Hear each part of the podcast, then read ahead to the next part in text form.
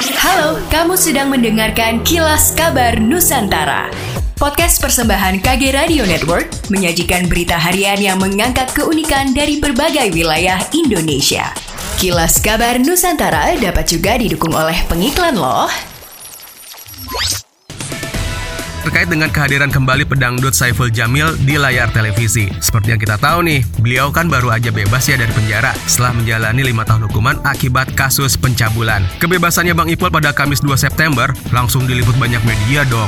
Tawaran kontrak dari televisi untuk penampilan Bang Ipul sudah berjubel. Euforia lebay ini bikin gerah banyak orang, terutama yang peduli sama isu-isu kekerasan seksual. Muncul deh petisi untuk memboikot Saiful Jamil dari layar kaca. Yang tanda tangan mendukung petisi boykot Bang Ipul udah lebih dari 300 ribu orang. Salah satu tuntutannya antara lain, jangan biarkan mantan narapidana pencabulan anak di usia dini atau pedofilia masih berlalu lalang dengan bahagia di dunia hiburan, sementara korbannya masih terus merasakan trauma. Di luar petisi ini, sikap tegas diambil oleh sutradara Angga Sasongko. Angga memutuskan untuk menghentikan kerjasama pendistribusian film anak-anak Nusa dan Keluarga Cemara dengan stasiun televisi. Langkah ini diambil sebagai kritik terhadap bentuk perilaku yang terkesan merayakan kebebasan pelaku kekerasan seksual terhadap anak dengan membiarkan pelakunya tetap muncul dan jadi sorotan.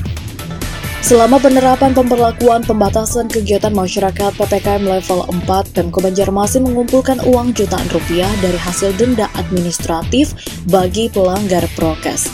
Kasat Pol PP Banjarmasin Ahmad Muzain mengatakan, selama kurang lebih sepekan diterapkan sanksi denda saat operasi justisi, terkumpul uang sebesar Rp1.275.000. Denda itu ditujukan kepada oknum masyarakat yang terjaring tidak menggunakan masker maupun pelaku usaha yang kedapatan tidak menerapkan protokol kesehatan. Juga disiapkan sanksi sosial berdasarkan perwali nomor 68 tahun 2020.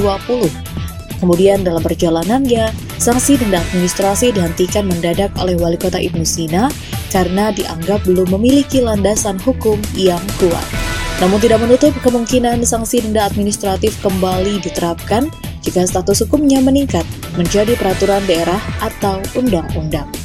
Lebak Cindo diharapkan mampu tumbuhkan perekonomian warga Wali Kota Palembang Harnojoyo memastikan proyek pedestrian Lebak Cindo yang merupakan salah satu bagian dari program restorasi Sungai Sekanak telah rampung. Hal ini diungkapkan usai kunjungan pedestrian Lebak Cindo yang berlokasi di kawasan radial belakang Hotel Santika Radial Palembang. Harno menambahkan suntikan dana sebesar 9,5 miliar rupiah juga telah digelontorkan pihaknya untuk membangun pedestrian Lebak Cindo ini. Ia juga berpesan kepada masyarakat sekitar pedestrian supaya dapat memanfaatkan situasi ini dengan mendirikan tempat-tempat usaha seperti usaha kuliner maupun oleh-oleh. Harno pun mendorong OPD terkait di antaranya Dinas Pariwisata dan Dinas Koperasi dan UMKM agar dapat melakukan pembinaan kepada warga setempat supaya keberadaan sentra kuliner dan pusat oleh-oleh yang dikelola oleh masyarakat sekitar pedestrian Lebak Cindo dapat terwujud. Demikianlah kilas kabar Nusantara malam ini.